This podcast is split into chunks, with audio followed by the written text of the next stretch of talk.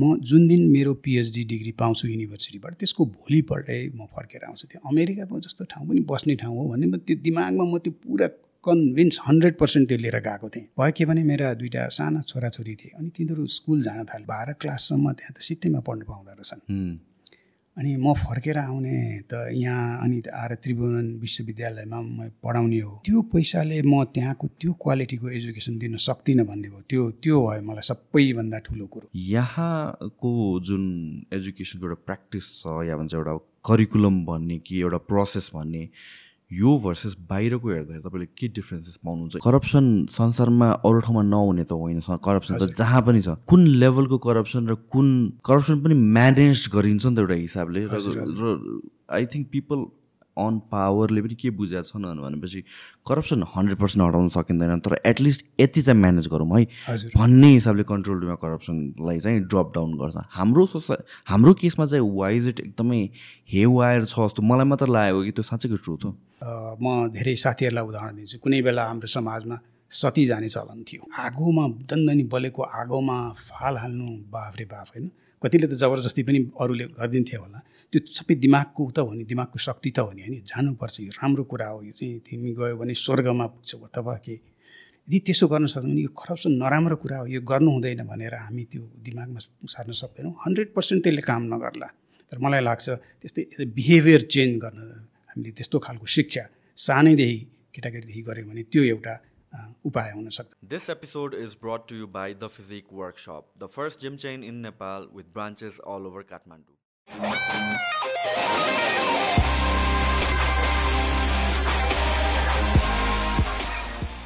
so तपाईँ चाहिँ तपाईँको एक्सपर्टिज चाहिँ बायोस्ट्याटिस्टिक्समा हो। हजुर। बायोस्ट्याटिस्टिक्स भने चाहिँ के एकचोटि बुझाइदिनु?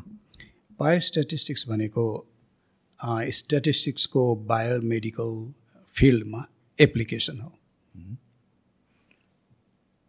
सो स्ट्याटिस्टिक्स भनेको त जे कुरामा पनि लाग्ने भयो। रिसर्चमा एनालिसिस गर्नको लागि त जे कुरामा पनि स्ट्याटिस्टिक्सको त एकदमै ह्युज इम्पोर्टेन्स पर्छ। हजुर स्ट्याटिस्टिक्स भन्नाले अब एउटा अर्थ डाटा मात्रैको पनि लाग्छ। है?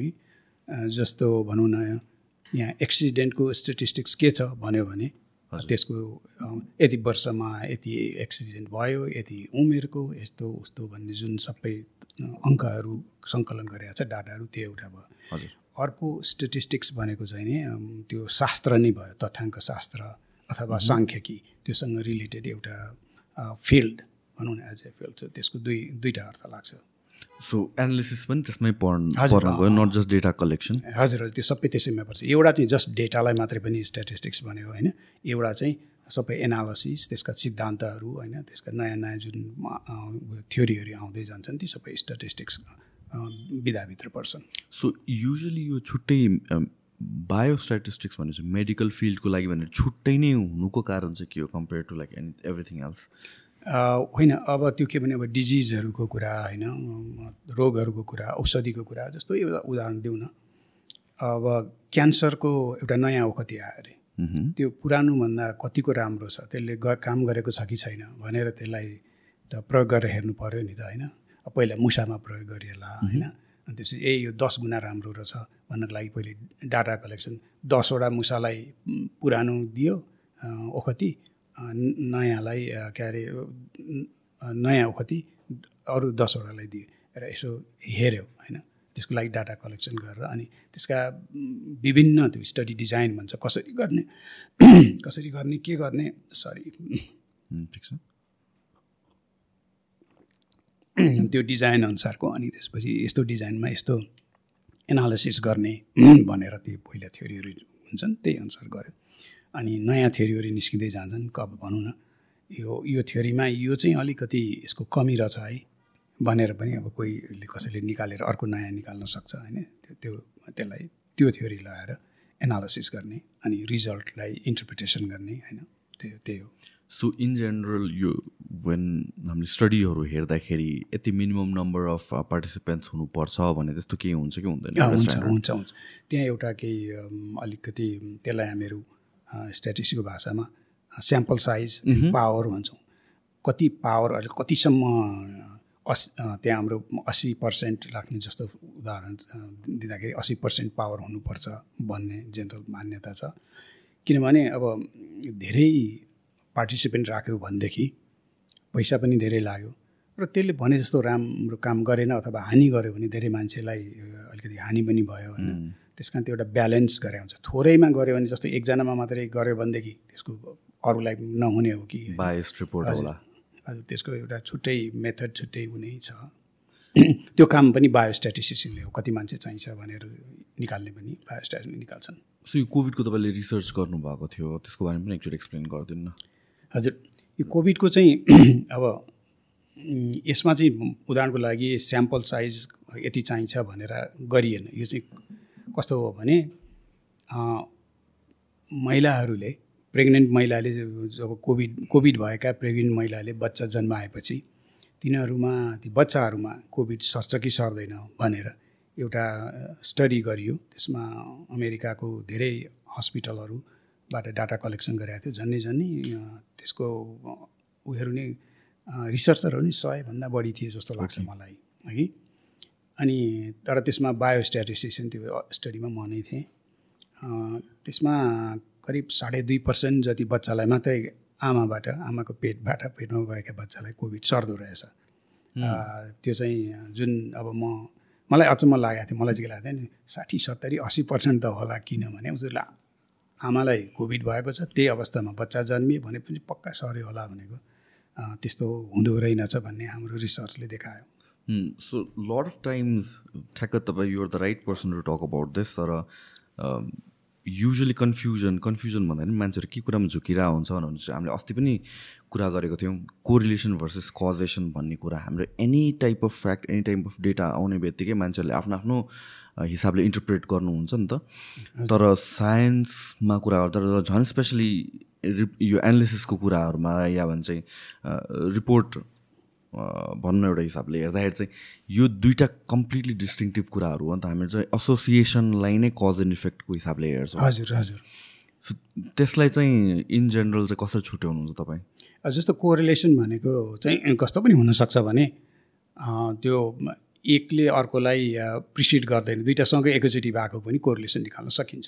तर कजेसनको लागि त्यो इफेक्ट चाहिँ पछाडि हुनुपर्छ कज गर्ने के हो? जस्तो अब सिग भनौँ न सिगरेटले चाहिँ लङ क्यान्सर हुने होइन?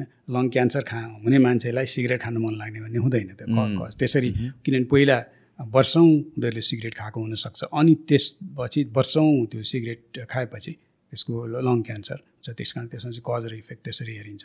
तर कोरिलेसन चाहिँ अहिले एकैचोटि त्यही सोध्दै नसोधिकन भनौँ न दुई चिज एकैचोटि टाइममा एकैचोटि एक्जिस्ट गर्छन्। दुईवटा भ्यारिएबल अनि त्यसलाई कोरिलेसन गऱ्यो भने त्यसको एसोसिएसन चाहिँ कोरिलेसन भयो ब्रडली भन्दाखेरि। यो यो मलाई के याद आयो भनेपछि घरमा हामीहरूको टिभी बेसी हेऱ्यो भने चाहिँ टिभी हेरेर नै त्यो इक्जाम बिग्रियो भनेर भन्छ नि त। टिभी हेरे हुनसक्छ त्यो मान्छेले अनि इक्जामको लागि नपढाए पनि हुनसक्छ। तर टिभी हेरेर नै इक्जाम बिग्रेको भन्न सकिन्छ सो यो फलो गर्नुपर्छ फलो गर्नु पऱ्यो सो तपाईँ पढाउनु पनि हुन्छ है? स्ट्याटिस्टिक्स बायोस्ट्याटिक्स पढाउनु हार्वर्डमा भन्नुभयो। म पहिले हार्वर्डमा थिएँ दुई म दुई हजार तिनदेखि दुई हजार सोह्रसम्म हार्वर्ड मेडिकल स्कुलमा थिएँ। त्यसपछि म युनिभर्सिटी अफ फ्लोरिडामा गएँ। केही छ सात वर्ष अगाडि। सो मलाई अलिकता यो एजुकेसन एज एन इन्डस्ट्री पनि हाउ इट इज बाहिरको भनेर एक्सप्लोर गर्न मन लागेको टपिक भएकोले चाहिँ त्यहाँतिर पनि हल्का डिस्कस गरौँ भनेर। सो इन जेनरल उतातिरको जस्तो कि बाहिरको र यहाँको एजुकेसन धेरै कम्पेयर गरिन्छ होइन? एज टाइम्सहरू हाम्रो एजुकेसन क्वालिटी के भइरहेको छ र मोस्ट अफ द टाइम्स युथहरू बाहिर जाने अन्डरलाइङ कजेस जे भए पनि तर I think one of the सुरुमै आउने कजहरू भनेको चाहिँ एजुकेसन क्वालिटी चाहिँ त बुझेन भनेर भन् जान्नुहुन्छ। नट द्याट सब्जेक्ट अभाइलेबल छैन कि त्यो सब्जेक्टको पनि कसरी पढाइन्छ भनेर। यहाँको जुन एजुकेसनको एउटा प्र्याक्टिस छ या भन्छ एउटा करिकुलम भन्ने कि एउटा प्रोसेस भन्ने यो भर्सेस बाहिरको हेर्दाखेरि तपाईँले के डिफ्रेन्सेस पाउनुहुन्छ? In a like in a way in a sense कि यहाँ के ल्याकिङ छ? के इम्प्रुभमेन्ट हुनुपर्छ जस्तो लाग्छ? अब यो अलिक गाह्रो क्वेसन भयो मलाई किनभने मैले पनि यहाँ पढाएको हुँ पहिला पहिला धेरै अगाडि होइन? हजुर।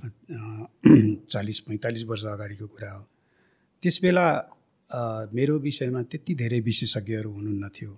किनभने यो कुरा पढ्नै कुनै कुनै एउटा विषयमा विशेषज्ञता हासिल गर्नलाई लामो समय लामो अध्ययन एक किसिमले ध्यान भनौँ न हाम्रो पुरानो हिसाबमा ध्यानै चाहिन्छ।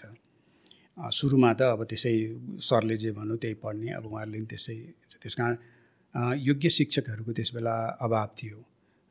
र हाम्रो त्यो जुन घोकन्ती विद्या धावन्ती खेती भन्ने संस्कृतको जुन सिद्धान्त भन्थे मैले सुनेको थिएँ हाम्रो त्यही नै रहल पहल थियो म मास्टर्स पढ्दाखेरि मैले एक दुईजना साथीहरूले त्यो थियोरमहरू स्टेटको थियोरम पुरै घोकेर जाँचमा त्यही लेखेको पनि अहिलेसम्म रेलेभेन्ट छ होला। हामीले म ग्रेजुएट भएको झन्डै झन्डै दस बाह्र वर्ष जस्तो भयो। हजुर।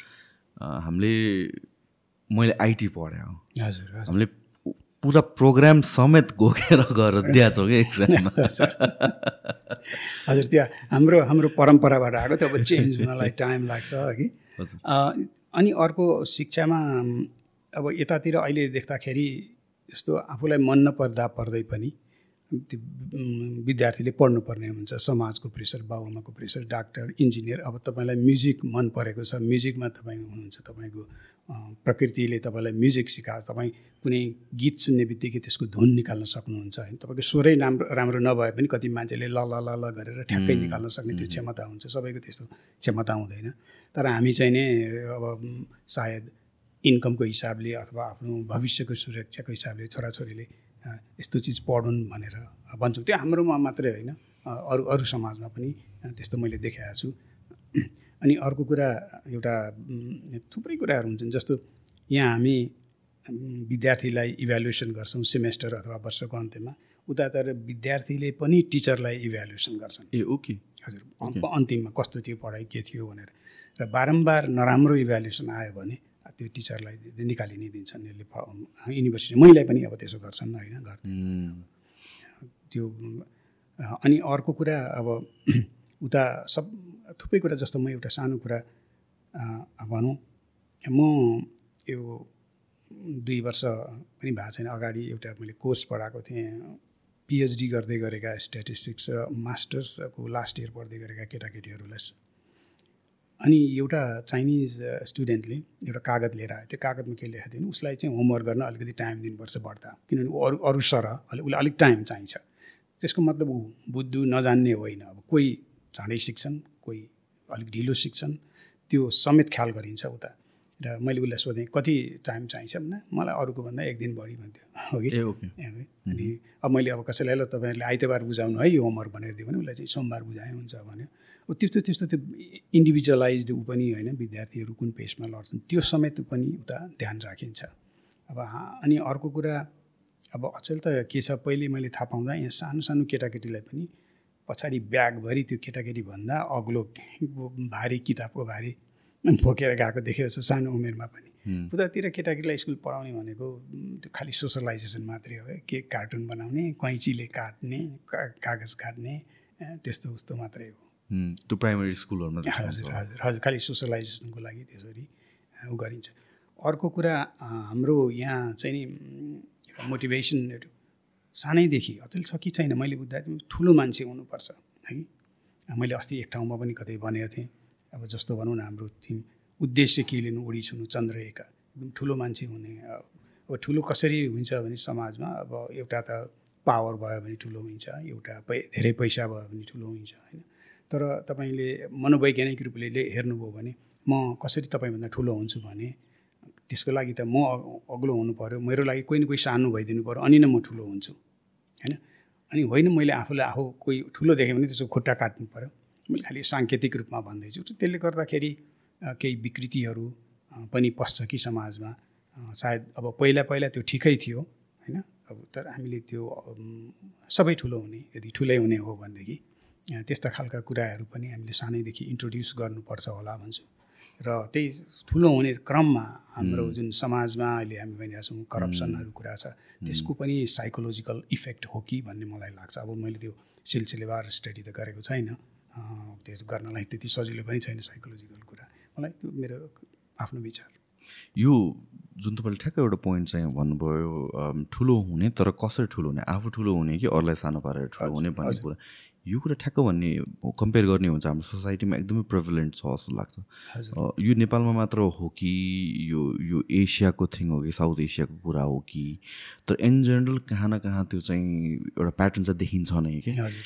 यो do you think it is again correlated to जुन हाम्रो बच्चाको स्टडिज बच्चाको बेलादेखि जुन पढाइ एउटा जुन प्रेसर दियो जहाँ चाहिँ we compare our self around our surroundings र बाई एनी कस्ट हामी चाहिँ अगाडि बढ्नु छ। र त्यो क त्यो अगाडि बढ्ने भनेको सकिन्छ भने आफूलाई नै बेटर पारेर अर नत्र चाहिँ अरूलाई तल तल तानेर भन्ने काइन्ड अफ अम, एउटा मेनिफेस्टेसन हो कि लार्जर सोसाइटीमा जुन प्रेजेन्ट छ। हजुर म अब हाम मेरो आफ्नो अनुभवबाट जस्तो मैले यहाँ त्रिवीबाट त्यस बेला अब पास भइसकेपछि मलाई चाहिँ पढाउने रहर थियो। एकदम मलाई अब त्यो पढाउने भनेको प्रोफेसर भनेको रमाइलो लाग्ने अब थाहा छैन किन हो। अनि मेरै घरमा चाहिँ के कुरा भयो भनेदेखि खै अब पढाउने भन्दा त सरकारी जागिर खाए हुने भन्ने। अब कसैले केही भनेन तर मैले त्यसलाई के भने सरकारी जागिर खायो भने पैसा कमाउँदै अथवा फलानले सरकारी जागिर खायो उसको कार छ उसको ठुलो घर छ भन्ने कुराहरू कोही कोही छिमेकीले त के भने हे के यसरी गर्नुपर्छ सरकारी जानुपर्छ भनेर अलिक सिधै पनि भन्ने त्यो हुन्थ्यो मेरै साथीहरू दौतरीहरूले पनि के भन्थ्यो भने भर्सक सरकारी जागिर खाने हो पाइएन भने पढाउने त छँदैछ नि भन्ने खालको कुराहरू गर्थे। अब त्यो अब त्यसलाई अब सङ्केत सङ्केतमै कसैले केही नभने पनि सङ्केत सङ्केतमै बुझ्नुपर्छ भन्ने मलाई लाग्छ। मैले पनि त्यस्तै नै त्यस्तै नै बुझाएको थिएँ। त्यस कारण त्यो त्यो अनेकै किसिमको प्रेभलेन्स अब स- समाज होइन बाबुआमा अब पियर अनि अनेक थोकको त्यस्तोहरू भइरहेको हुन्छ जस्तो लाग्छ मलाई।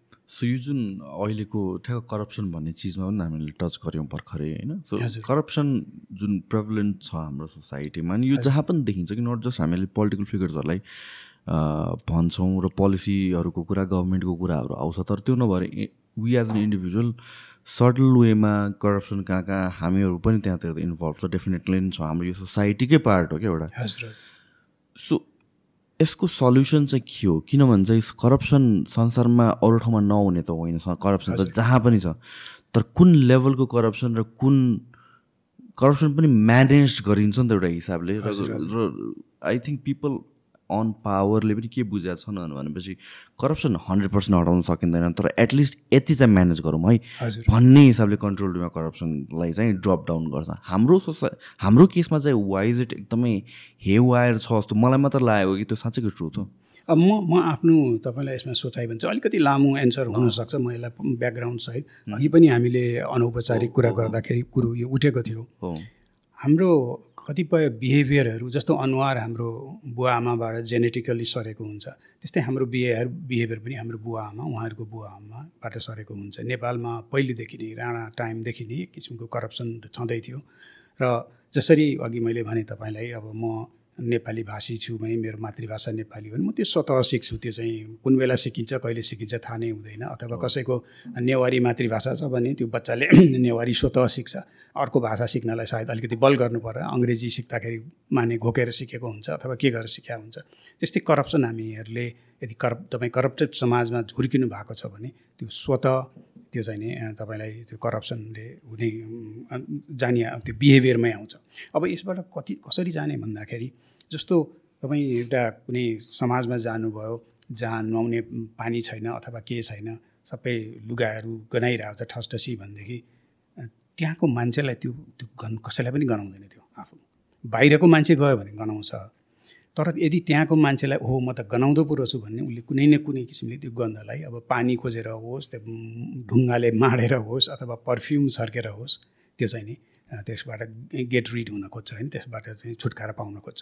त्यसै गरी यो करप्सन नराम्रो चिज हो यसरी आउँछ भन्ने भयो भनेदेखि सायद त्यसबाट हामीहरू केही धेरै हदसम्म गर्न सक्छौँ। र त्यसको लागि केटाकेटीहरूको दिमागमा सानैदेखि किनभने यो दिमागमा परेको कुराहरू यति बलवान हुन्छ सही कुरा। जस्तो म धेरै साथीहरूलाई उदाहरण दिन्छु। कुनै बेला हाम्रो समाजमा सती जाने चलन थियो। महिलाहरू। अब त्यो बाबा त्यो चाहिँ आगोमा दन्दनी बलेको आगोमा फाल हाल्नु बाफ रे बाफ होइन। कतिले त जबरजस्ती पनि अरूले गरिदिन्थे होला। त्यो सबै दिमागको त हो नि दिमागको शक्ति त हो नि होइन। जानुपर्छ यो राम्रो कुरा हो यो चाहिँ तिमी गयो भने स्वर्गमा पुग्छौ अथवा के? यदि त्यसो गर्न सक्छौँ भने यो करप्सन नराम्रो कुरा हो यो गर्नु हुँदैन भनेर हामी त्यो दिमागमा सार्न सक्दैनौँ। हन्ड्रेड पर्सेन्ट त्यसले काम नगर्ला।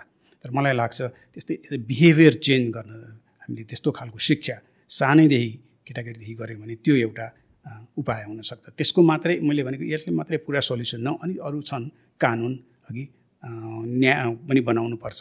विभिन्न किसिमले चारैतिरबाट यसलाई गऱ्यो भने सायद इन द लङ रन यसबाट हामीहरू छुटकारा पाउन सक्छौँ होला टु ए लार्ज एक्सटेन्ट। अघि तपाईँले भने जस्तै हन्ड्रेड पर्सेन्ट त पक्कै पनि हुँदैन होइन? मलाई चाहिँ मलाई त्यस्तो लाग्छ। यो मलाई ठ्याक्कै एकजना पहिला गेस्ट हुनुहुन्थ्यो। उहाँ चाहिँ he's int he's a big person in one of the industry उहाँले कुरा गर्नुभएको थियो एकदमै मल्टिपल नेसन्समा ट्राभल गरेर राख्ने अनि त्यसपछि इभन गभर्मेन्टसँग पनि अलिकता क्लोजली काम गर्नुहुन्थ्यो। अनि उहाँले भन्नुभएको थियो के भन्नुहुन्छ चाहिँ इन्डियामा पनि करप्सन नहुने होइन। इन्डियामा पनि म्यासिभ वेमा करप्सन हुन्छ। तर त्यहाँ अर्गनाइज करप्सन हुन्छ। त्यहाँतिर चाहिँ करप्सन पनि तपाईँको पैसा दिँदाखेरि पनि गभर्मेन्ट पोलिटिकल पार्टिजहरूलाई यताउति इन्भल्भमेन्टको लागि त्यो गर्दाखेरि पनि त्यो तपाईँको ब्यालेन्स सिटमा देखाइन्छ इन अ सर्टन वे र त्यसरी चाहिँ फन्ड गर्छ र करप्सन कतिसम्म आँखा बन्द गर्ने र कति पछि एक्सन लिने त्यो चाहिँ दायरा चाहिँ एकदमै स्ट्रिक्ट छ उहाँ उतातिर। सो अल्दो करप्सन हुन्छ इट्स अ कन्ट्रोल्ड करप्सन भनेर भन्नुभएको थियो। सो यहाँतिरको करप्सन कस्तो भन्छ हाफ हार्ड भइदियो। र अर्को कुरा भनेर भनेको चाहिँ यो when it comes to corruption या डेभलपमेन्टको कुराहरूमा रियलिस्टिक एउटा time when it comes to टाइमको एक्सपेक्टेसन चाहिँ रियलिस्टिक चाहिँ हुनुपर्छ। It can not be like आजको भोलि नै हुँदैन या नेक्स्ट फाइभ इयर्समै नहोला तर कति हो त realistic time maybe ten years maybe fifteen years त्यसको लागि अब आजदेखि कतिको गर्नु पऱ्यो त भन्दै त्यो एउटा प्रोसेसमा स्ट्रिम लाइन गर्दै लग्नलाई चाहिँ एकदमै जरुरी छ। र अर्को गर्नु भनेको चाहिँ सिस्टम नै त्यस्तै नै भएर आइसक्यो जस्तो लाग्छ कि हजुर हजुर। जब कि नयाँ एकजना मान्छे छिर्यो भने उसले त्यसको अगेन्स्ट जानै सक्दैन जस्तो हजुर हजुर। होइन नि पहिला म करप्सन अन्डर द टेबल कति हुन्थ्यो अहिले त त्यसलाई करप्सनको लागि त कसो मैले मैले यतिसम्म एउटा थाहा पाएको छु। मेरो एउटा बहिनीको केस परेको थियो। ऊ चाहिँ अब रिटायरमेन्ट भएर आफ्नो त्यो पेन्सनको लागि यहाँ काम गर्न यहाँ आएकी थिएँ काठमाडौँमा। अनि त्यहाँको कर्मचारीले के भन्नुभएछ भने तपाईँको अलिकति अप्ठ्यारो काम हो। मैले कम्प्युटरमा धेरै टाइम बिताउनु पऱ्यो अलिकति सहयोग गर्नुहोस् न यदि भनेर। अब त्यो करप्सनलाई अब त्यो सहयोग भन्ने राम्रो मिठो शब्दमा त्यसरी बिस्तारै ए हुन्छ। एकचोटि मैले र हाम्रो एकजना साथीले उत्तम बाबु श्रेष्ठ ले हामीले एउटा आर्टिकल लेखाएका थियौँ। यो सा दैनिकी जुन सेवा पाउनेमा चाहिँ करप्सन कसरी कन्ट्रोल गर्ने भन्ने मैले त उता अमेरिकाको ऊ देखेर। अमेरिकामा के हुन्छ भने त्यहाँ काउन्टीमा जानुभयो भने तपाईँले त्योभन्दा पर ठुलो जिल्लामा कहीँ पनि जानु पर्दैन। त्यहाँ सबै कुराहरू हुन्छ। र तपाईँले त्यो काम सकेर आएपछि त्यहाँ एउटा फारममा कस्तो भयो कति भयो सबै त्यो इभ्यालुएट गर्नुपर्छ। यहाँ पनि मानिलिउँ न अब म कर्मचारी छु होइन मैले काम गरेर मैले चाहिँ पहिले एउटा पाइलट प्रोजेक्ट आफू स्ट्याटिस्टिसियन भएको हुनाले एउटा पाइलट प्रोजेक्ट गरौँ अनि त्यसपछि त्यसलाई चाहिँ नि सायद गभर्मेन्टले पोलिसी पनि बनाउन सक्छ। त्यो जोसँग तपाईँले काम लिनु जस्तो तपाईँ चाहिँ बाहिर ग्राहक हुनुभयो होइन म कर्मचारी भएँ मैले तपाईँको लाइसेन्स रिन्यू गर्नु थियो अथवा के गर्नु थियो। कस्तो कुरा गरेँ पैसा मागेँ कि मागिनँ कति टाइम लाग्यो तपाईँ व्यवहार कस्तो थियो। त्यस्तो फिडब्याक लिने फिडब्याक लिने र त्यो महिनाभरि फिडब्याक लिएर अथवा कति हुन्छ अनि त्यसपछि त्यो फिडब्याकको सबै समरी त्यो कर्मचारीलाई देखाउने उसलाई फायर गर्ने गाली गर्ने के भने हेर्नुहोस् तपाईँको यस्तो यस्तो रिपोर्ट आइरहेछ भनेपछि त त्यो स्वत किन मैले कताबाट लिएको भने उता अनि मेरो आफ्नै पनि जस्तो स्टुडेन्टहरूले मलाई इभ्यालुएसन गरे होइन। इभ्यालुएसन गर्दाखेरि उसले राम्रो पढाएन पढाएको बुझिएन भन्दाखेरि मैले आफूले मेहनत गर्नुपर्ने हुन्छ। बाई द वे त्यो टिचरको उता यतातिर म म्याथ पढाउँदाखेरि स्टुडेन्टहरूले यो सर त म्याथ पढाउने हो यो त भयङ्कर छ जानेन भने हामी नै बुद्धु हौँ भन्छन्। उतातिर यसले बुझाउनै सकेन खत्तम टिचर हो भन्ने खालको साइको साइकोलोजी हुन्छ। त्यो अब मैले भनेको चाहिँ त्यो त्यसरी कलेक्सन गरेर डाटा कलेक्सन गरेर त्यो मान्छे अब हुन त हामीहरू बडा क्रिएटिभ छौँ त्यो डाटा कलेक्सन गर्दा पनि त्यहीँ पनि करप्सन हुनसक्छ। तर एक दुईवटा लेयरहरू बनाएर अघि राम्रोसँग गरेर अनि त्यो कर्मचारीलाई नि महिनाको देखाइदिने तपाईँको यस्तो भएको अब त्यो कर्मचारी दुई तिनपल्ट दुई तिन महिना पाँच छ महिना पनि त्यस्तै नै भइ नै राख्छ भनेदेखि त त्यसलाई फायर गर्नु पऱ्यो नभएदेखि मलाई लाग्छ त्यो देखिसकेपछि कर्मचारी स्वयं नै उसले चाहिँ स्वत त्यो आफ्नो व्यवहार चेन्ज गर्छ उसलाई कुनै गाली गर्ने केही गर्ने गर्नु पर्दैन जस्ट देखाइदिने। हेर्नुहोस् तपाईँको बारेमा यस्तो यस्तो कुरा आएको छ। यो अब कसले गरेको उसलाई पनि थाहा हुँदैन होइन? तपाईँको यो यस्तो यस्तो आएको छ है भनिदिएपछि त। मलाई लाग्छ त्यो त्यो लागू गर्नुभन्दा पहिले एउटा सानो पाइलट प्रोजेक्ट गरेर कतिको काम गर्छ के गर्छ अथवा त्यसमा अरू के सुधार गर्नुपर्छ र हामीले एकचोटि प्रस्ताव राखेका थियौँ। अब त्यो कुनै प्रस्ताव भनेर कुनै सरकारलाई प्रस्ताव होइन आर्टिकल लेखेका थियौँ हामीले। यो करप्सनमा मैले ठ्याक्क यो कुरा गर्दाखेरि एकजना जर्नलिस्ट हुनुहुन्छ कि नेपालमा? उहाँले चाहिँ यस्तो यो ठ्याक्कै सरकारी प अफिसहरूमा गएर चाहिँ उहाँले चाहिँ ठ्याक्कै यो रन नै गर्नुहुन्छ कि होल थिङ तपाईँलाई थाहा छ? याद गर्नुभएको छ ए- एकजना खोज त अपिल त्रिपाठी भन्ने एकजना मान्छे हुनुहुन्छ। भिडियो पुरा चाहिँ प्ले नगर जस्ट च्यानल मात्र देखाइदिउँ न हामी। सो उहाँको भिडियो बेला बेलामा आइरहेको हुन्छ। आई थिङ्क एकदमै यो इन्स्टि इन्स्टिगेटिभ जर्नलिजमको अब यो करप्सनको पर्सपेक्टिभमा चाहिँ एउटा म्यासिभ वेमा चाहिँ बेला बेलामा उहाँले यो प्रोजेक्ट भन्ने के भने तर त्यस्तो एक्सपोज चाहिँ गरिरहनु भएको हुन्छ कि? सो कुनै अब जग्गा पास गर्नु पऱ्यो केही छ भनेपछि त्यही मान्छेसँग बसिरहेको हुन्छ। अनि त्यसपछि त्यही फोन कल गऱ्यो क्यामरामै भएको अगाडि।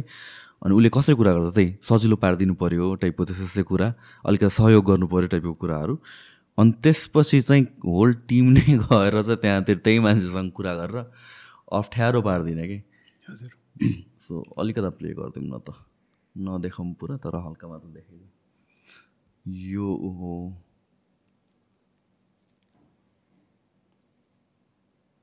यो मान्छे पज गरिदिउँ न मान्छे मात्र देखाउँ न। फेस मात्र देखाउन सो अह ल खै ल दिस इज द पर्सन अनि एउटा होइन उहाँले त over and over and over again गराउनु भएको छ है कतिवटा एक्सपोज गर्ने कामहरू सो मलाई पनि मलाई मलाई चाहिँ के लाग्छ भने नेपालको कन्टेक्समा चाहिँ आई थिङ्क डर पनि नभएको हो कि कन्सिक्वेन्सेसको जस्तो पनि लाग्छ हुन त एउटा सिस्टम नै त्यस्तै नै भइसक्यो हेर्नुहोस् होइन एकजना मान्छे छिरेर गर्दिनँ भनेर भनेपछि पनि गाह्रै हुन्छ होला। किनभने हामी यहाँ बस्दाखेरि चाहिँ हामीले चाहिँ ए यस्तो गर्नुपर्ने भनेर भन्छौँ। तर त्यो ऱ्याडिकल चेन्जेसहरू एनी काइन्ड अफ चेन्जेस त ऱ्याडिकली गर्न सकिँदैन। Over a period of time हुने हो। सो कि सिस्टम नै हन्ड्रेड पर्सेन्ट चेन्ज गर्नु पऱ्यो जुन पोसिबल छैन again or this will happen over a period of time र त्यसको कन्सिक्वेन्सेस के त भने एउटा एउटा कन्ट्रोल मेकानिजम पनि हुनु पऱ्यो कि इफ यो भयो भने करप्सन केसमा भेटाएपछि त के गर्नु त वान स्टेप भएपछि बल्ल एउटा ब्यालेन्स वेमा जान्छ जस्तो लाग्छ कि? हजुर हजुर। फेरि अर्को कुरा के छ भने त्यो यसको लङ टर्म इफेक्ट जस्तो तपाईँले कुनै गलत चिज गर्नुभयो भने त्यसले त्यो रोक्न पनि त्यति सजिलो हुँदैन। म एउटा उदाहरण दिन्छु। उहिले म उसमा म, यो रञ्जनामा त्यहाँ अब भनौँ न टिकट ब्ल्याक गर्ने मान्छेहरू हुन्थे। हो। मलाई के लाग्थ्यो भने उसले त्यो सायद त्यसले टिकट ब्ल्याक गरेर आफ्नो परिवार पालिराखेको छ आफ्नो छोराछोरीलाई पढाइरहेको छ। अब अब त्यहाँ पुलिसले समातेर टिकट ब्ल्याक गर्नेलाई जेलमा हालिदियो समाइदियो भने हेर्नु त कतिजनाको बिजोग भयो। त्यस कारण गलत काम सुरु गर्दै गर्ने बित्तिकै त्यसका कतिवटा इम्प्लिकेसनहरू चाहिँ हुन्छन्। त्यस कारण सुरु नै हुन नदिनु। पहिलेदेखि नै त्यो पनि एउटा पोइन्ट हो त्यो गर्नुपर्छ भन्छु म। नभएदेखि गाह्रो हुन्छ। अब त्यो करप्सनले सबै बाँचिरहेको छ भने त्यो करप्सन छोडिसकेपछि फेरि अर्को अर्को अर्को समस्या हुनसक्छ। त्यो त्योतिर पनि विचार गर्नुपर्छ। त्यही त यो सोसाइटीमा कतिवटा कुराहरू चाहिँ हामीले चाहिँ फ्रम लेम्यान टर्म एउटा बेसिक ओपिनियन हालिदिन्छौँ तर त्यसको इम्प्याक्ट के हो भनेर चाहिँ हामीले कहिले सोचे चाहिँ हुँदैनौँ। होइन किनभने चाहिँ ऱ्याडिकल आइडियाहरू या ऱ्याडिकल प्रोसेसहरू प्रपोज गर्न चाहिँ सजिलो छ र सुन्दाखेरि चाहिँ ए हो यही नै बाटो हो जस्तो पनि लाग्छ। तर त्यसले गरेर three three months down the line six months down the line one year down the line के हुन्छ। भन्ने इम्प्लिकेसन्स पनि बुझ्नु पऱ्यो वाट इफ त्यसले त्यो ग्याप डिस्ट्रोय भएपछि अर्निङ क्यापेसिटी एउटा लार्ज पपुलेसन डिस्ट्रोय भएपछि त्यसले सोसाइटीमा क्राइम रेट्सहरू बढ्ने हो कि भन्ने कुराहरू पनि आउँछ नि त। Because we we've seen this happen across the globe पनि होइन? सो युजली इन सोसाइटिज या भन्छ एरियाज जहाँ चाहिँ पभर्टी छ या भन्छ भन्नु एउटा फाइनेन्सियल स्टेबिलिटी छैन त्यहाँ क्राइम रेट्स युजली हायर पनि भइरहेको हुन्छ अपर्च्युनिटी नभएको त्यो कुरो सो नेपालको when we are talking about development है नेपालको डेभलपमेन्टमा चाहिँ नेपालको डेभलपमेन्ट प्रोसेसमा ध्यान दिनुपर्ने अरू how do we go about it हजुर अब हाम्रो अलिकति डेभलपमेन्टको कन्सेप्ट नै अलिकति हामीले रङ तरिकाले गरिरहेको छौँ जस्तो मैले अघि पनि तपाईँलाई भनेको थिएँ। अब कसैले कुरा नै हाम्रो अचेल ने सबैको हात हातमा यो मोबाइल फोन छ त्यो कति डेभलप भएको छ। अनि मेरो जवाफ हुने गर्छ। त्यसो भने अब उता अमेरिका अस्ट्रेलिया कसले के अर्को चिज के डि उसले इन्भेन्ट गर्छन् त्यो हामीले किन्छौँ। अनि त्यसरी हाम्रो डेभलपमेन्ट हुन्छ। त्यो त अलिकति कस्तो कस्तो भयो? अब बाहिरबाट ल्याएका कारहरू चिल्ला चिल्ला कार छन्। हामीले बनाएका सडकहरू त्यति चिल्ला छैनन्। डेभलपमेन्टको नि हाम्रो फेरि पहिलेदेखि कस्तो कन्सेप्ट छ भने एक केटाकेटी हुँदाखेरि बाटो बनाउनुपर्छ भन्ने कन्सेप्ट आयो। पाहाडमा अनि ती सेउलाहरू तितेपातीहरूको गाडी कसरी मान्छेहरूलाई भोलिन्टियर बोलाएर के खनेर बाटो बनाए। तर खोइ अब त्यसले के डेभलपमेन्ट अब कताबाट के बुझ्यो? अनि एकचोटि के भन्यो भनेदेखि ल हाम्रोमा शिक्षाको कमी छ। शिक्षाको कमी भएकोले डेभलपमेन्ट नभएको भनेर हामीले स्कुल खोल्यौँ तर स्कुलमा पढाउने टिचरहरू पनि थिएनन् त्यस बेला है? अनि फेरि अर्को कुरा अब एजुकेसनको लेभल बढेपछि चाहिँ हाम्रो करप्सन हुँदैन के हुँदैन डेभलपमेन्ट हुन्छ भन्ने तर तपाईँ याद गर्नुहोस् अनादिकालदेखि जसले राज्य चलाउँथे त्यस बेलाका सबैभन्दा पठित मान्छे जान्ने मान्छे नि राज्य चलाउँथे हेर्नुहोस् होइन? थुप्रै शास्त्र पढेका मान्छेहरू राजालाई सल्लाह दिने त्यस्ता नै मान्छेहरू हुन्थे। अब तर त्यस बेलाको अब तपाईँको जातपातको कुरा यस्ता कुराहरू जुन अहिले अहिले पनि हामीले त्यो फेस गरिरहेछौँ कति नराम्रा कुरा जुन पुरानो जमानाबाट आएका छन्। जहिले पनि त्यो राज्य चलाउने मान्छेहरू तत्कालिक समाजका जेनरल पब्लिकभन्दा पढे लेखेकै त्यस त्यस बेलाको जमानाको चार त्यस कारण हामी यो अलिकति एउटा एकदम एजुकेसन बढ्यो भने अथवा स्कुलहरू कलेजहरू खोल्यो भने अथवा बाटो बनायो भने बाटो बनाउँदा पनि के भयो अहिले अब मैले सुनेअनुसार है अब कहाँसम्म सत्य हो तपाईँले भन्नु।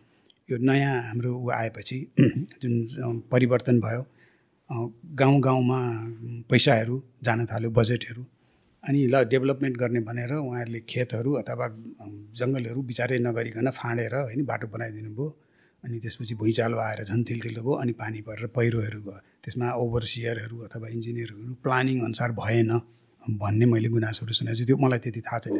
तर त्यो पनि अलिकति हाफाजर्ड भयो नि त। केही केही पनि पुरा त्यो सम्बन्धित विशेषज्ञहरू बसेर गर्नुपर्ने हुन्छ। त्यस्तै अब मलाई लाग्छ स्कुलको त्यो करिकुलम बनाउने मान्छेहरू थाहा छैन कति कति यज्ञ हुनुहुन्छ। उहाँहरूले अब करिकुलम बनाउनुहुन्छ कस्तो करिकुलम राख्नुहुन्छ केटाकेटीहरूले पढ्ने के छ कसो छ त्यो त्यो मलाई थाहा छैन। तर मैले धेरै कुराहरू नकारात्मक कुराहरू पनि सुनेको छु। त्यस कारण यो सम्पूर्ण डेभलपमेन्टको कुरा कन्सेप्ट नै हामीले अलिकति अलिकति त्यति नबुझेको हो अथवा हामीले अलिकति ब्लाइन्डली कपी गर्न खोजेको हो अथवा के हो त्यो अलिक अलिकति स्पष्ट छ जस्तो लाग्दैन मलाई। सो डेभलपमेन्ट भने पनि के को मेट्रिकले हामी जज गर्ने त भन्ने कुरा आउँछ नि त।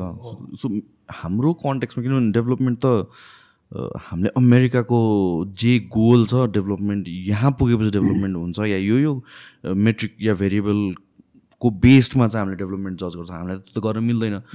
सो हाम्रो केसमा डेभलपमेन्ट भनेको चाहिँ के हो त? हामीले we talking about development development त डेभलपमेन्ट हामी जुन स्टेजमा छौँ केले नाप्ने? के कुरामा प्रायोरिटी दिने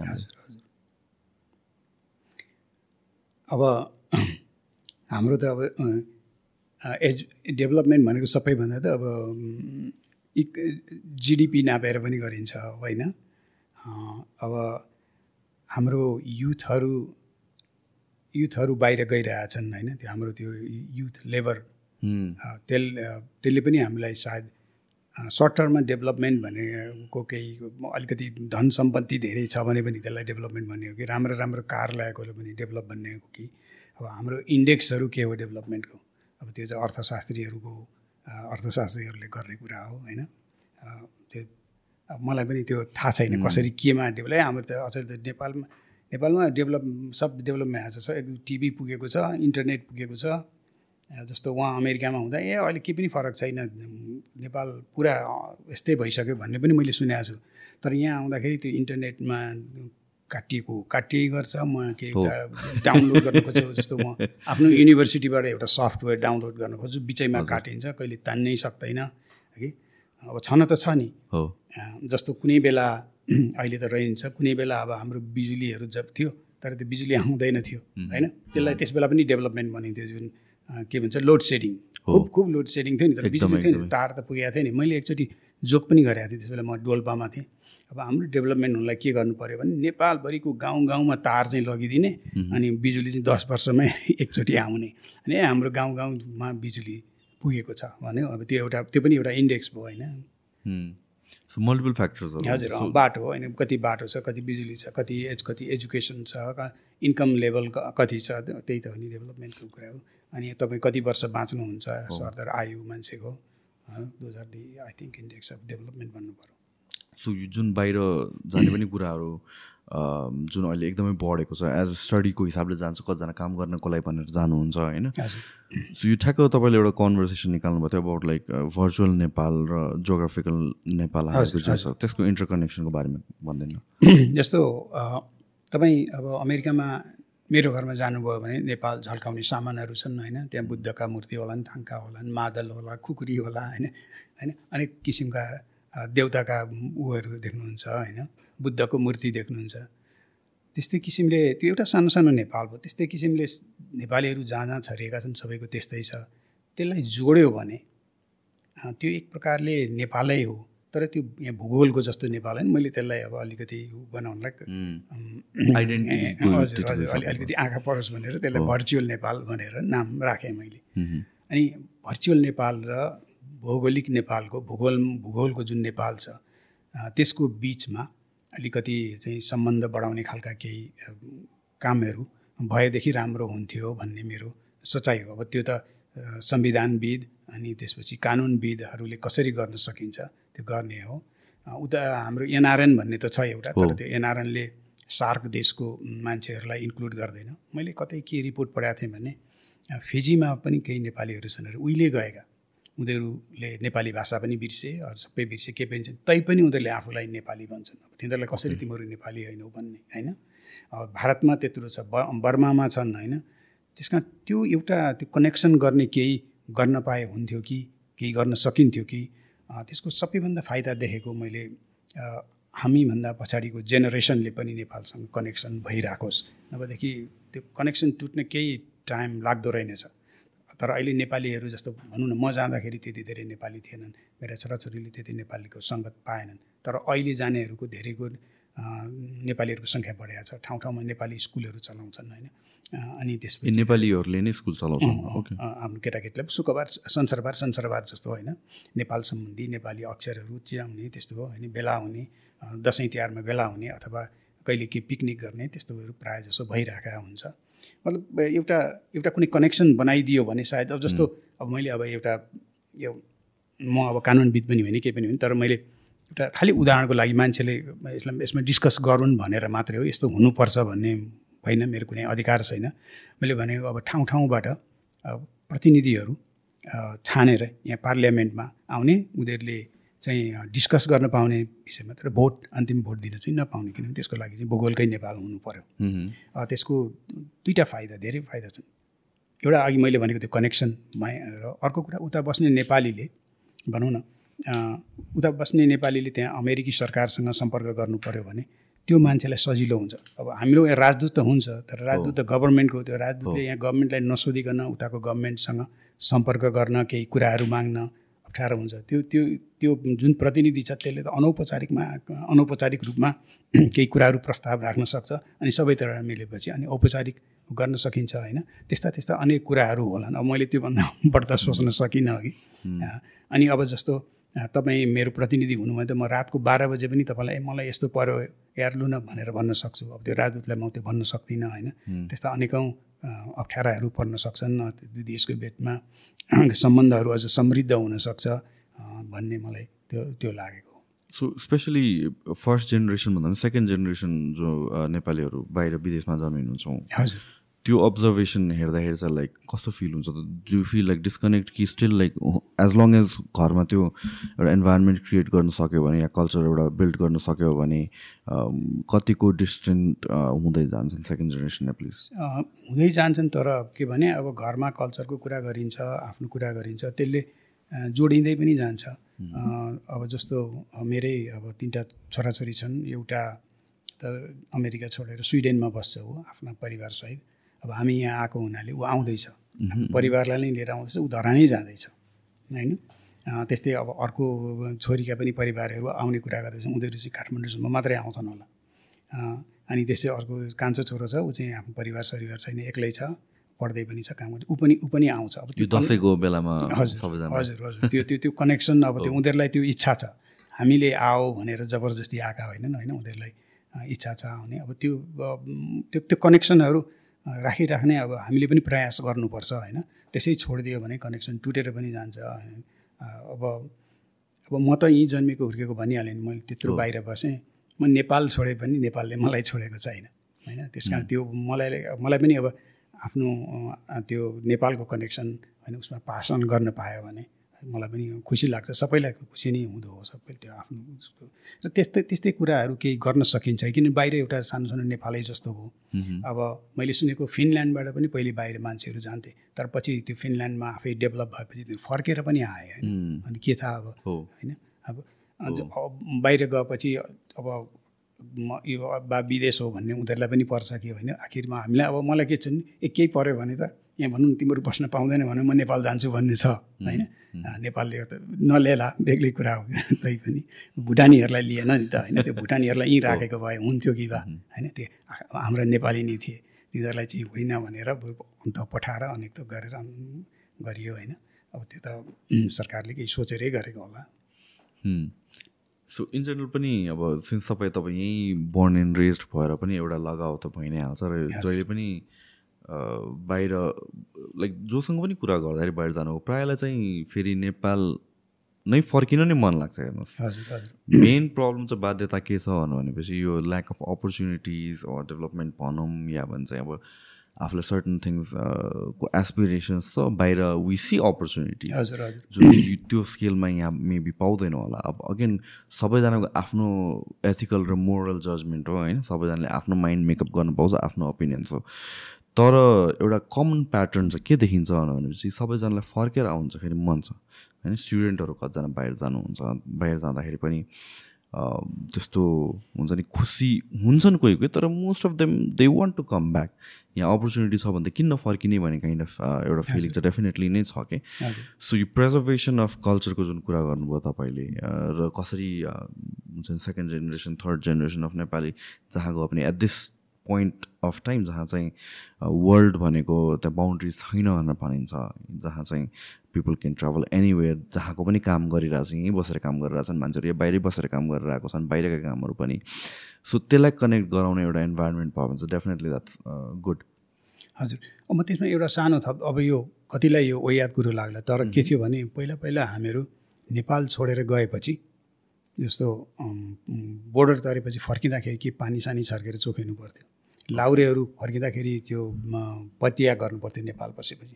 त्यति मात्रै होइन म जन्मेको ठाउँ भोजपुरबाट त्यो अरुण तरेर दक्षिण लागेपछि फर्किँदा कतिले फेरि कि शुद्धिकरण गर्नुपर्ने हुन्थ्यो। मतलब त्यस बेला बोर्डरको त्यस्तो स्ट्रिक्ट एउटा एसम्सन थियो। अब अहिले त्यो केही छैन। छैन। अनि जुन मैले जोग्राफी र उसको भने नि त्यो पनि एउटा बोर्डरलेस कन्सेप्टकै नै हो भन्छु र त्यो समयअनुसार त्यस्ता थिङ्किङहरू हामीले चेन्ज गरिराख्नुपर्छ। कति मान्छेलाई लाग्दो अँ छोड्ने बेला चाहिँ छोडिस् भनेर। अब मेरो आफ्नो पर्सेन्ट कुरा गर्दाखेरि म जुन दिन मेरो पिएचडी डिग्री पाउँछु युनिभर्सिटीबाट त्यसको भोलिपल्टै म फर्केर आउँछु। त्यो अमेरिकाको जस्तो ठाउँ पनि बस्ने ठाउँ हो भन्ने म त्यो दिमागमा म त्यो पुरा कन्भिन्स हन्ड्रेड पर्सेन्ट त्यो लिएर गएको थिएँ।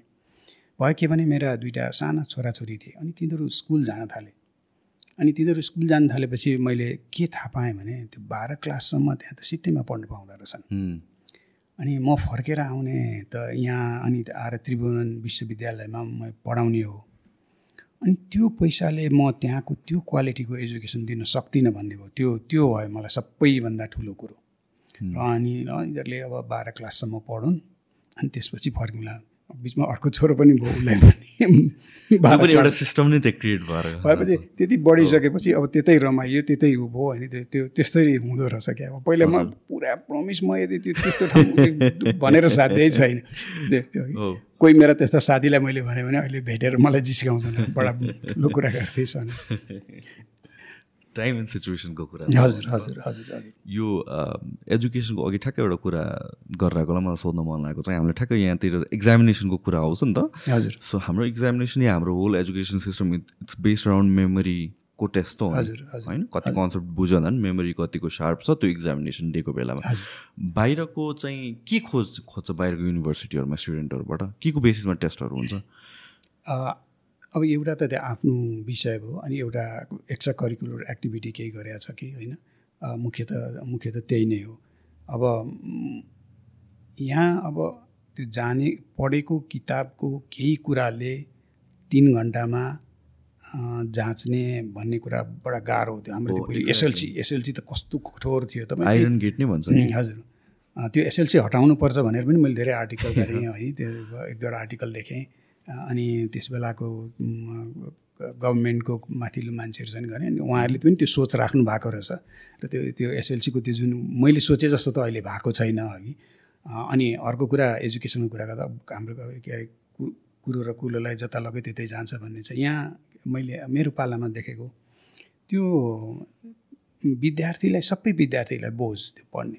त्यो विद्यार्थी फेल भयो भने विद्यार्थीलाई दोष त्यो त्यो एउटा म त मलाई के लाग्छ भने त्यो विद्यार्थी फेल भयो भने त्यो प्यारेन्ट पनि फेल भएको त्यो टिचर पनि फेल भएको त्यो स्कुल पनि फेल भएको र द नेसन पनि फेल भएको। त्यो बिचरा सानो एउटालाई चाहिँ अघि त फेल भइस् भनेर त्यो त्यसलाई जुन किसिमको एउटा मानसिक प्रताडना दिइन्छ नि कतिले त आत्महत्या पनि गर्छन् होइन? त्यस उसमा त्यो हामी त्यो त्यो त्यो जिम्मेवारी लिने हाम्रो त्यसमा थिएन। सायद अहिले अहिले चेन्ज भएको होला। अनि त्यो लास्टको जाँचलाई राख्नुको साटो अब त्यहाँ त एउटा जाँच मात्रै हुँदैन होइन? से सेमेस्टरदेखिको त्यो त्यो जाँचहरू सबै जोडिँदै जान्छ। त्यो फाइनल भनेको जस्तो मेरो क्लासमा पनि म फाइनलको प्रायः चाहिँ तिस पर्सेन्ट कि कति राख्दै। अरू सबै होमवर्कमा अनि क्लास एटेन्डेन्ट गरेकोमा पनि होइन? सधैँभरि क्लास एटेन्डेन्ट गरेर चाहिँ कति छ भने त्यो पनि मार्क पायो। त्यसरी त्यसरी गर्नुपर्ने हुन्छ। त्यो एउटा मात्रै जाँचमा इम्फेसिस दिँदा त तपाईँ एउटा जाँचले कोही मान्छेलाई इभ्यालुएसन गर्न सक्नुहुन्न। Hundred percent. मलाई पनि लाग्ने थियो एज अ स्टुडेन्ट पनि म अब कतिजना मान्छेले चाहिँ स्कुलबाट ग्रेजुएट भइसकेपछि स्कुल सम्झिन्छ मिस गर्छ भनेर भन्छ नि म त एक थोपा पनि गर्दिनँ म त कलेज अरूहरूको इक्जामहरू भएको देख्दाखेरि मलाई त यस्तो आनन्द हुन्छ मैले धन्न इक्जाम दिनु पर्दा किनभने त्यो प्रेसर नै अर्कै हुन्छ कि इक्जामको। त्यो तिन घन्टा एक हप्ता हामीहरूको त कस्तो हुन्थ्यो भने चाहिँ लगातार पाँच दिन पाँचवटा पेपर सक्यो होइन अनि त्यसपछि त्यो हप्ताभरि स्ट्रेसफुल मलाई त त्यो इक्जामिनेसन सेन्टरमा तिन घन्टा टाइम स्पेन्ड गर्ने मन नलाग्ने क्या हाफै छोडेर हिँड्दिनु जस्तो कतिचोटि हुन्छ र गरेको पनि छु कि मैले? तर द्याट डजन्ट डिफाइन कि मैले कति बुझेको छु। त्यो तिन घन्टासम्म एकै ठाउँमा एकोरो भएर बस्नु सकेर मलाई थाहा भएको कुरा पनि कतिचोटि मैले छोडेर हिँडिदिएको छु कि? तर यहाँको के भयो भनेपछि हन्ड्रेड पर्सेन्ट नै त्यो फाइनल इक्जाममै सेन्टर भयो। म भोलि त्यो बेलामा म बिरामी भएँ भने या त्यो बेलामा मेरो भनौँ न केही कारणले म हन्ड्रेड पर्सेन्ट पर्फर्म गर्न सकेन भनेर भने त मलाई त फेलियर भनेर एउटा ट्याग दिने भयो। र टु मी त्यो सिस्टम डजन्ट मेक सेन्स मलाई what make sense what make sense is weekly test होस् न बरु। एउटा च्याप्टर सकेपछि त्यो च्याप्टरको टेस्ट होस् न किनभने त्यतिखेर बुझ्नुपर्ने हो। र रिसर्चले पनि के देखाउँछ भने चाहिँ मोस्ट पिपलहरू एउटा सेमेस्टर पास गरिसकेपछि उसले दुई सेमेस्टर पछि सोध्यो भने उसलाई केही पनि याद हुँदैन कि त्यो? किन त्यो त रटेको मेमोरीको टेस्ट मात्र भयो त जान्ने कुरा त भएन। सो वाइ नट त्यो कन्सेप्ट एउटा इक्जाम सकिने एउटा एउटा च्याप्टर सकिने बित्तिकै इमिडिएटली त्यसको टेस्ट गर्दाखेरि चाहिँ कस्तो होला भन्ने कुरा आयो। यस फाइनल इक्जाम्स होस् तर तपाईँले भने जस्तो मेबी तिस पर्सेन्ट चालिस पर्सेन्ट त्यसलाई वेट दियो हन्ड्रेड पर्सेन्ट नै त्यो एउटा इक्जामलाई वेट दिने चाहिँ मलाई चाहिँ त्यो इट डजन्ट मेक सेन्स र इफ हन्ड्रेड पर्सेन्ट त्यो फाइनल इक्जामलाई वेट दिने हो भने टर्मिनल इक्जामहरू किन हुन्छ? त्यो त वेस्ट अफ टाइम भयो त। त्यसको भ्याल्यु नजाने हो भने त क्लास टेस्टहरूको मतलब भएन असाइनमेन्टहरूको त मतलब भएन। सो हाम्रो सिस्टमले के गर्दैछ भनेपछि अब आई थिङ्क यो चेन्ज भएको छ थुप्रै सर्टन ठाउँहरूमा सर्टन युनिभर्सिटी कलेजेसमा तर पनि नेपालमा प्राय अहिले पनि हुने भनेको त्यही फाइनल इक्जामकै प्रेसर हो। सो फाइनल इक्जाममै मात्र प्रेसर दिएपछि त स्टुडेन्टहरूलाई अरू चिजहरूलाई बेटर गर्ने र लर्निङ नट जस्ट मेमोराइजेसन लर्निङलाई बेटर पार्ने भनेर त एउटा केही पनि त्यो एउटा मोटिभेसन भएन क्या towards so I think that needs to change in the education system जस्तो अर्को पनि एउटा तपाईँले कुरा उठाउँदा एउटा अब टिचरले उहाँ मैले आफूले पनि गरेको छु। हजुर। जस्तो मैले तिनवटा चारवटा टेस्ट लिएँ भने अनि कुनै विद्यार्थीले एउटाले नराम्रो टेस्ट गरे लिएको छ कुनै कुनै भने त्यसलाई काउन्ट नगर्ने। नराम्रो टेस्टलाई उसलाई नराम्रो टेस्ट छ भने त्यसलाई काउन्ट नगरेर खालि राम्रो टेस्टहरूलाई मात्रै काउन्ट गरिदिने। त्यस्तो पनि त्यस्तो पनि गरिन्छ। किनभने अब कहिलेकाहीँ केही भएर नराम्रो भएको हुनसक्छ होइन? त्यस्ता अनेक उपायहरू त्यो विद्यार्थीलाई कतिको जान्दो रहेछ भनेर गर्ने भन्दा पनि विद्यार्थीलाई हेल्प गर्ने होइन लर्निङमा हेल्प गर्ने कुरा हो मुख्य चाहिँ। हो मलाई त एकदमै प्रोडक्टिभ के लाग्छ भने चाहिँ बाहिरको सिस्टममा र मेरो बेलामा चाहिँ पढ्दाखेरि चाहिँ एउटा दुइटा सब्जेक्ट टिचर चाहिँ र यहाँ सब्जेक्ट चाहिँ त्यस्तो थियो कि जहाँ चाहिँ थिङ्स लाइक रिसर्चहरूमा प्रायोरिटी दिन्थ्यो आई थिङ्क त्यो त एकदम भ्यालुएबल स्किल हो नि त। हामीहरू अघि पनि कुरा गरेर थियो critical thinking lack of critical thinking रिसर्चले critical thinking दिन्छ जस्तो लाग्छ। किनभने कुन डेटालाई भ्यालिड मान्ने कुन डेटालाई भ्यालिड नमान्ने तपाईँले स्मोकिङ गुड हो कि ब्याड हो भनेर गुगलमा इन्टरनेटमा सर्च गर्नुभयो भने ब्याड हो भन्ने पनि आर्टिकल आउँछ गुड हो भन्ने पनि आर्टिकल आउँछ कि? तर त्यो छुट्याउन सक्नु कुन डेटा भ्यालिड हो? र कसरी के को मेट्रिकमा चाहिँ दिस इज लाइक हुन्छ नि अ भ्यालिड रिजन भनेर आफ्नो डिसिजन बेस गर्नु? त्यो त एउटा स्किल हो नि त सिक्ने। रिसर्च गर्न सिक्नु त स्किल हो नि त। आई थिङ्क त्यो कुराहरू कलेजहरू कलेज स्कुलहरूमा इन्कर्पोरेट गर्न भने सक्यो भने चाहिँ एकदमै राम्रो हुन्छ। मेरो बेलामा चाहिँ के थियो भनेपछि सर्टन सब्जेक्ट्सहरू चाहिँ स्टुडेन्टहरू तिमीहरू असाइन गरिदिन्थ्यो कि यो सब्जेक्टको यो टपिक यो यसले पढ्छ यो टपिक यसले पढ्छ। आफूले रिसर्च गरेर आऊ क्लासमा डिस्कसन गरौँ। मलाई त त्यो यस्तो प्रोडक्टिभ लाग्यो त्यतिखेर। हजुर तपाईँले सम्झाउँदा मलाई मैले एउटा गरेको म भन्छु पढाएको क्लासमा। जस्तो मैले कुनै एउटा सर्टेन थ्योरी पढाएँ होइन?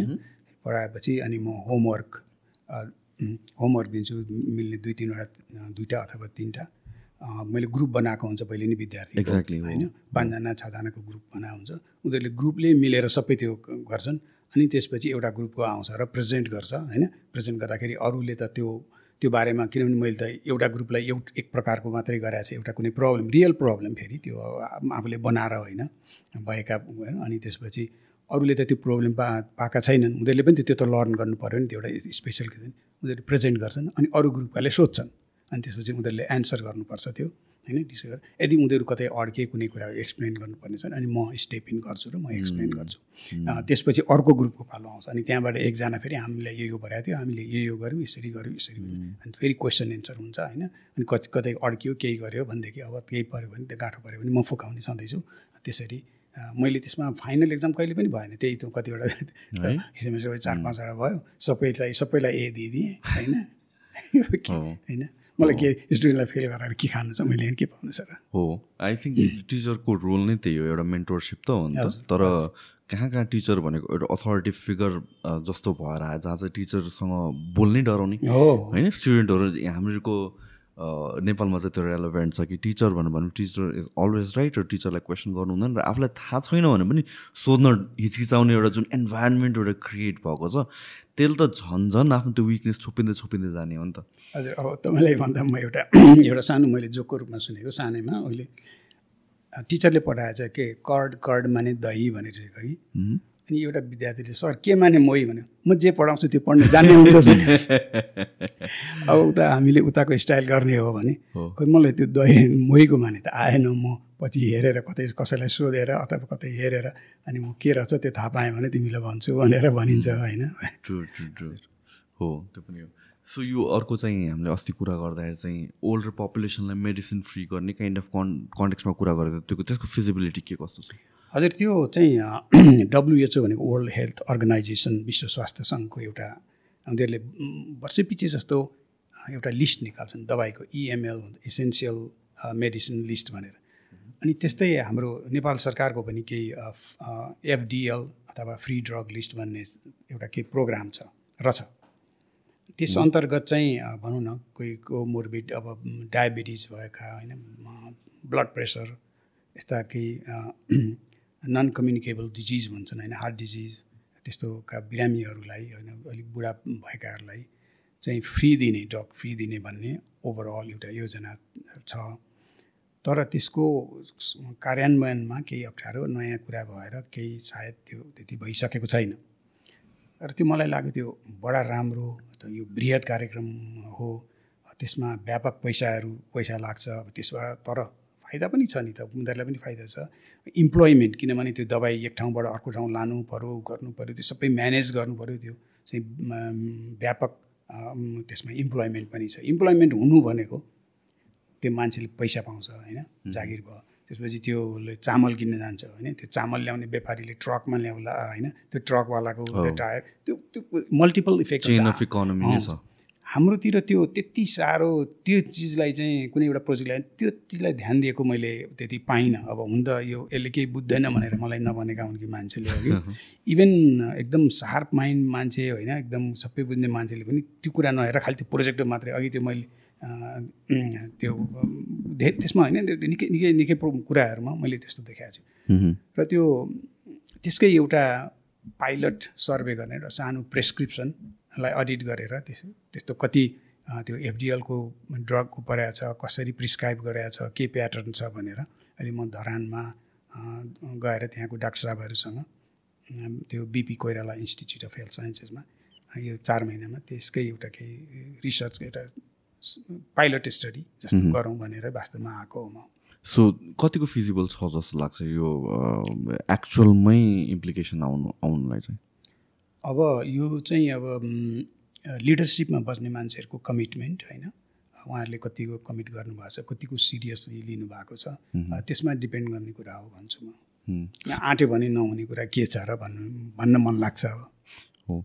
सो यो प्रोसेसकै कुरा गर्दा चाहिँ डेभलपमेन्टको कन्टेक्समा चाहिँ तपाईँले इस्टदेखि वेस्टसम्म चाहिँ एउटा कनालको जस्तो एउटा चाहिँ प्रपोज गर्नुभएको थियो। त्यो आइडिया कहाँबाट आयो वेयर डज इट कम त्यो आइडिया अब सुरुमा मलाई झन् दुई हजार छत्तिस सालतिरको आइडिया आएको थियो। म त्यस बेला पृथ्वीनारायण क्याम्पसमा पढाउँथेँ होइन। अनि मैले दुई चारजना मान्छेहरू आफूभन्दा बुद्धिमान मान्छेहरूसँग कुरा गर्दा एक गजब आइडिया भने तर त्यो आइडिया मात्रै केही न केही एस्टिमेट त दिनु पऱ्यो यति पैसा लाग्ला होइन यति गहिरो आफूलाई थाहा छैन। मैले अनि अलि दुई चारवटा इन्जिनियरहरूसँग कुरा गर्दाखेरि त्यति साह्रो केही बढेन। अमेरिका गएपछि पनि यहाँ नेपाल इन्जिनियरिङ सोसाइटी के भन्ने रहेछ त्यस्तै एउटा संस्था। इमेल पठाएँ कहिले जवाब पनि आएन। तर त्यति बेला अब अरू साथीहरू म चिनिँदै गएँ साथीहरूसँग कुरा हुँदै गएँ। त्यस्तै भइरहेको थियो अनि यो कोभिड आएपछि मलाई डर लाग्यो। मैले के सोचेँ भने ओहो अब हाम्रो इकोनोमी यहाँको नेपालको इकोनोमी रेमिट्यान्सबाट चलेको छ भन्छन्। यो को कोभिडले त यो रेमिट्यान्सलाई त खतम पार्छ होला भन्ने मलाई त्यस्तो त्यस्तो आयो सुरुमा। के गर्ने भन्दा एउटा त मैले त्यही पुरानो आइडिया सम्झेँ। साथीहरू इन्जिनियर साथीहरूलाई मैले कुरा गरेँ अनि उहाँहरूले आफ्नो पनि साथीहरूलाई कुरा गर्नुभयो अनि हामीहरू चार पाँचजना भएर हामीले आर्टिकल लेख्यौँ। त्यो चाहिँ त्यो अब जस्तो त्यसबाट के हुन्छ इरिगेसनको कुरा भयो होइन तराईतिर तराई जहाँ पाहाड सकिन्छ र तराई सुरु हुन्छ त्यहाँबाट हामीले एउटा ठुलो नहर लाने हो भने ठाउँ ठाउँबाट पानी निकाल्न सकिन्छ। बाह्रै महिना तराईमा सिँचाइ हुन्छ फेरि तराईको पानी तल गइराखेको छ। जमिन मुनिलाई त्यो रिचार्ज गर्न पनि मिल्छ। ठाउँ ठाउँमा पोखरी बनाएर इन्भाइरोमेन्टलाई पनि सहयोग हुन्छ होइन? अनि त्यो ती ती नै सब कुराहरूले अनि त्यो के अरे पारवहनमा पनि सहायता हुन्छ। जमिनबाट भन्दा नदीबाट लान सकिन्छ भन्ने त्यस्तै कुराहरू आएर हामीले चार पाँचवटा आर्टिकल कति- कमेन्टहरू आए कसैले धेरैले राम्रो भने कसै कसैले नराम्रो पनि भनेर भन्नुभयो होइन? अब त्यो हाम्रो सबै हामीले त्यो त्यो एउटा ल्याएको छ। अनि त्यो खालि हामीलाई के भने एउटा पाइलट एउटा फिजिबिलिटी स्टडी कतिसम्म सम्भव छ कतिसम्म सम्भव छैन। सो सिलसिलेबार स्टडी गर्न पाए हुन्थ्यो भन्ने हिसाबले त्यो पहिलेदेखिको हो। अनि तर मैले अब केही गर्न सक्दैन साथीहरू पनि जम्मा भएर हामीले आर्टिकलहरू लेखेर छापिदिएको छापिदिएको मात्रै हो अब। सो त्यसमा मेन च्यालेन्ज चाहिँ के आउँछ फाइनेन्सियल फाइनेन्सियली कतिको च्यालेन्जिङ छ होला? अब म- मलाई लाग्छ धेरै नै च्यालेन्जिङ छ त्यो सानोतिनो उसले हुँदैन। अब जियोग्राफी पनि हाम्रो अब अलिक कडा छ होइन जियोग्राफिकल अनि त्यसपछि सबै अब- टेरेन्स छ फेरि। टेरेन्स छ अनि त्यसपछि तपाईँको अब मुवा यदि नै भयो भने पनि मुआवजा सबैभन्दा गाह्रो त के भने यो मान्छेले त्यो किनभने यो त भयानक ठुलो देखियो होइन। मैले अघि तपाईँलाई भनेको थिएँ हवाईजहाज बनाउँदा बनाउने बेलामा जब सुरु कुराकानी भयो उड्ने भनेर मान्छेहरूलाई त्यो चाहिँ अचम्म लागेर यति त्यसलाई चाहिँ नेगेटिभली हेर्न थाले। यदि भगवान्ले मान्छे उडोस् चाहेको भने चाहेको थियो भने पखेटा हालिदिइहाल्थ्यो नि चराको जस्तै। यो त्यो नहुने कुरा हो भन्ने कुरा। त्यस्तै त्यस्तै हामीले पनि कति त्यस्तो कुराहरू मलाई लाग्छ फेस गरेका छौँ। तर त्यसो भन्दैमा उहाँहरूका सबै जुन विरोधहरू छन् त्यो नाजायज छन् भन्न सकिँदैन। एउटा अचम्मको कुरो चाहिँ अरू अरू अरूले पनि गर्नुभएको छ वास- वास्तवमा हामीले मात्रै होइन। सिमिलर नै काइन्ड अफ भेरी सिमिलर तर हाम्रो जतिको डिटेल चाहिँ म यो भेटेको छैन। फेरि अब एकचोटि सुरुमा कहिले हो कहिले पनि हाम्रो प्रचण्ड प्रधानमन्त्री पहिलोचोटि हुँदाखेरि सायद उहाँले एनआरएनलाई के गर्नुपर्छ भनेर सोध्नु भएको थियो होला जस्तो लाग्छ त्यस बेला हाम्रो उपेन्द्र महतोले हामीहरू त्यहाँ साथीभाइहरूलाई ल अब हामीले नेपालको अब विकास गर्नु पऱ्यो भने के छ तपाईँहरूको एउटा हामी लेखेर दिउँ न त गभर्मेन्टलाई? भन्नुभयो। र त्यो लेख्दा पनि मैले त्यो कुरा त्यहाँ पारेको थिएँ। थुप्रै साथीहरूले आफ्नो आफ्नो आइडियाहरू हाल्नु भएको थियो। त्यो एउटा डकुमेन्ट नै थियो।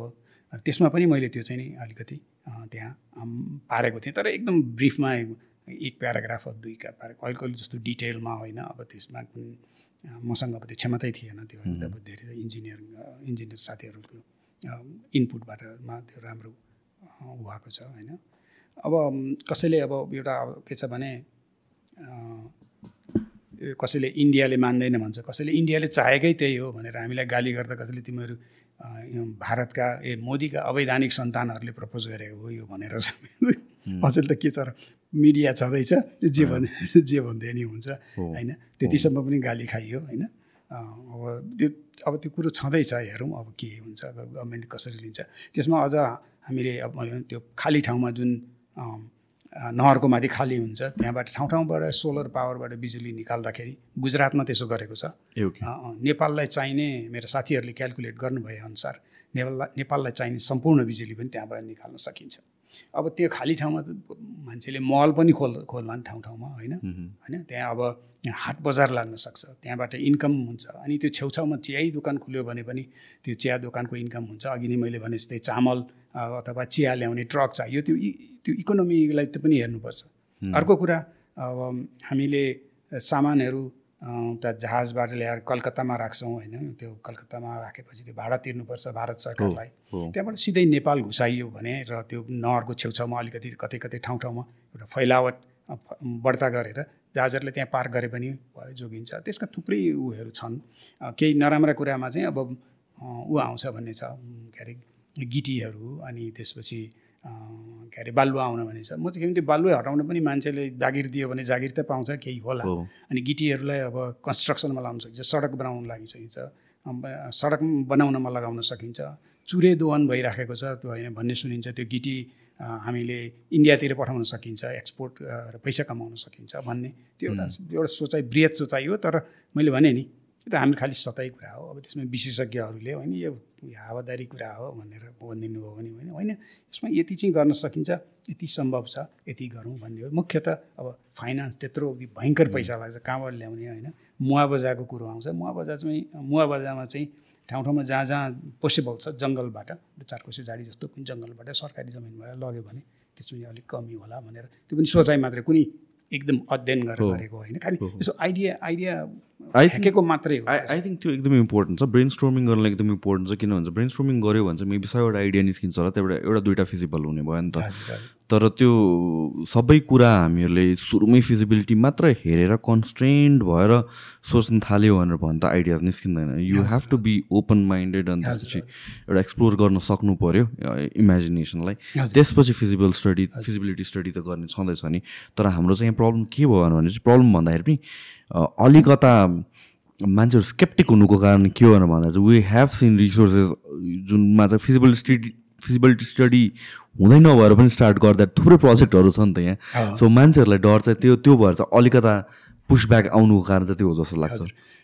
हजुर। मैले तपाईँलाई एउटा कुरा भनिनँ। त्यही कारणले गर्दा मैले एउटा के आइडिया ल्याएँ भने यो चाहिँ अरू अरूले गरेको जस्तो उतातिर एनआरएन छन् होइन। अनि एनआरएनहरूको किस कहीँ भेट हुँदाखेरि साथीहरूले के भन्नुहुन्थ्यो भने हामी नेपालमा धेरै काम गर्ने थियौँ तर हामीलाई गभर्मेन्टले चाहिँ अपर्च्युनिटी नै दिँदैन भन्नुभयो। यता आउँदा के भन्नुहुन्छ भने तपाईँहरू एनआरएनले केही नै गर्नुहुन्न। त्यो पनि उताको मान्छेले भनेपछि हो यी दुई थरीलाई एक ठाउँमा पारिदिन पायो भने त गजब हुन्छ भन्ने।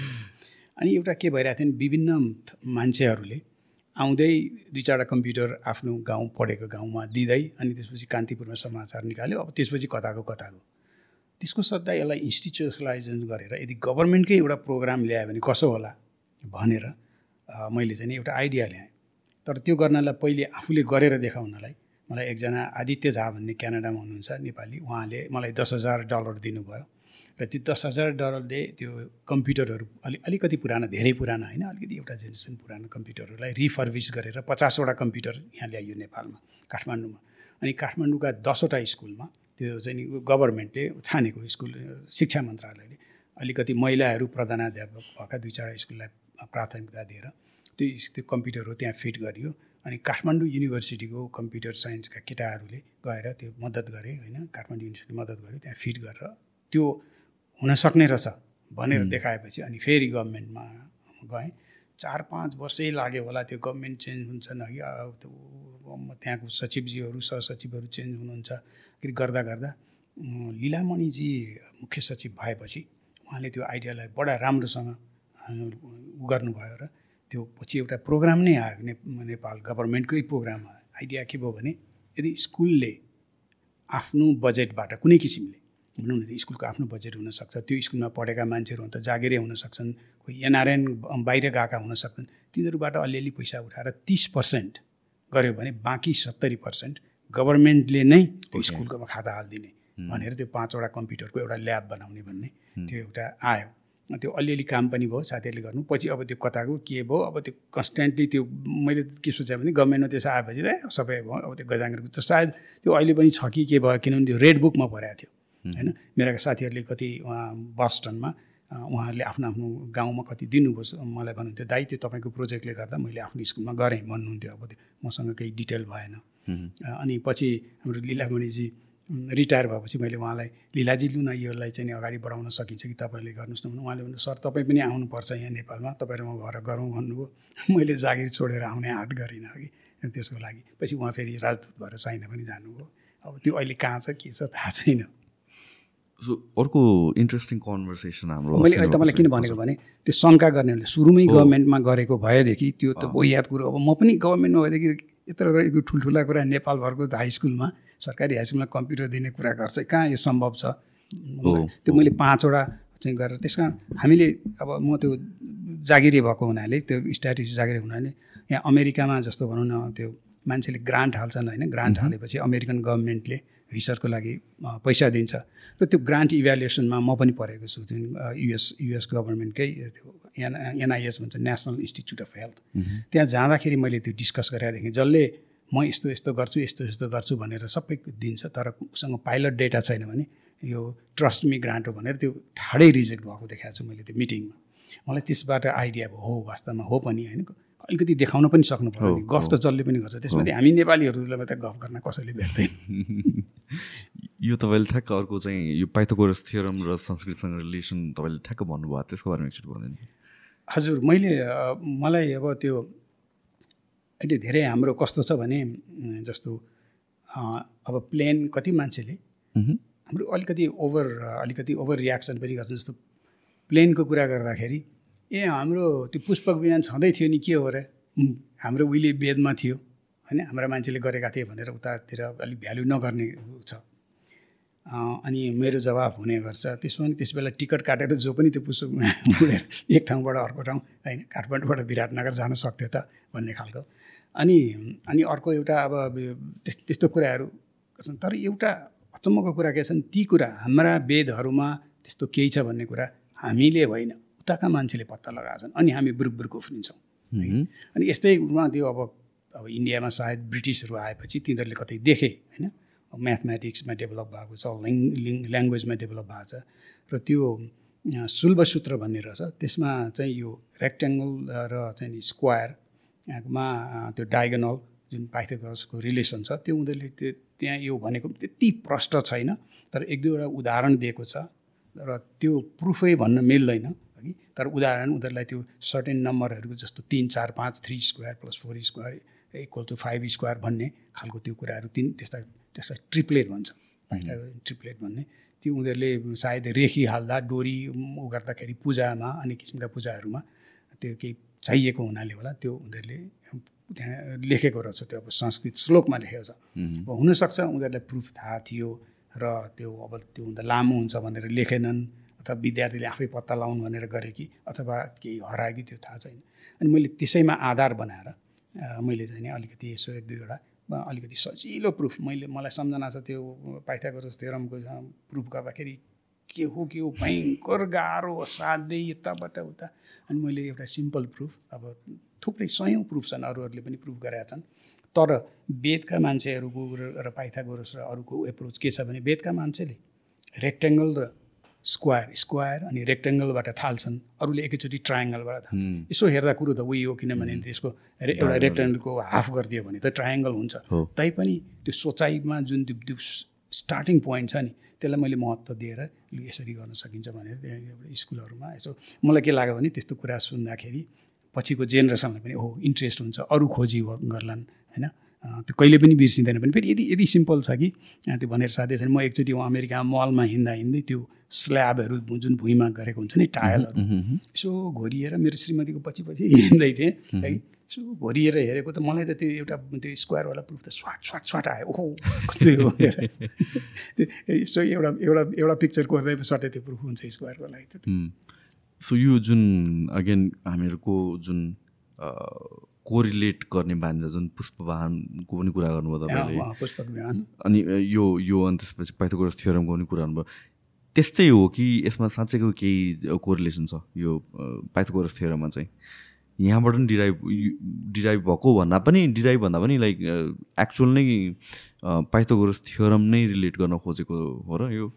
होइन त्यो उनीहरूले अर्कै गरे त्यो पछि मान्छेले पत्ता लागेको हो त्यो त्यो पाइथा मलाई लाग्छ। अब फेरि एउटा के छ भने उहिलेको जमानामा एक एउटाबाट अर्कोतिर कति कुराहरू जान्थे पनि होला होइन? ट्राभल गर्थे जस्तो ग्रिकका मान्छेहरूले त्यो जुन ग्रहण प्रेडिक्ट गरे सबैभन्दा पहिले त्यो थेल्स भन्नेले ग्रहण प्रेडिक्ट गरेको भन्छन् अघि।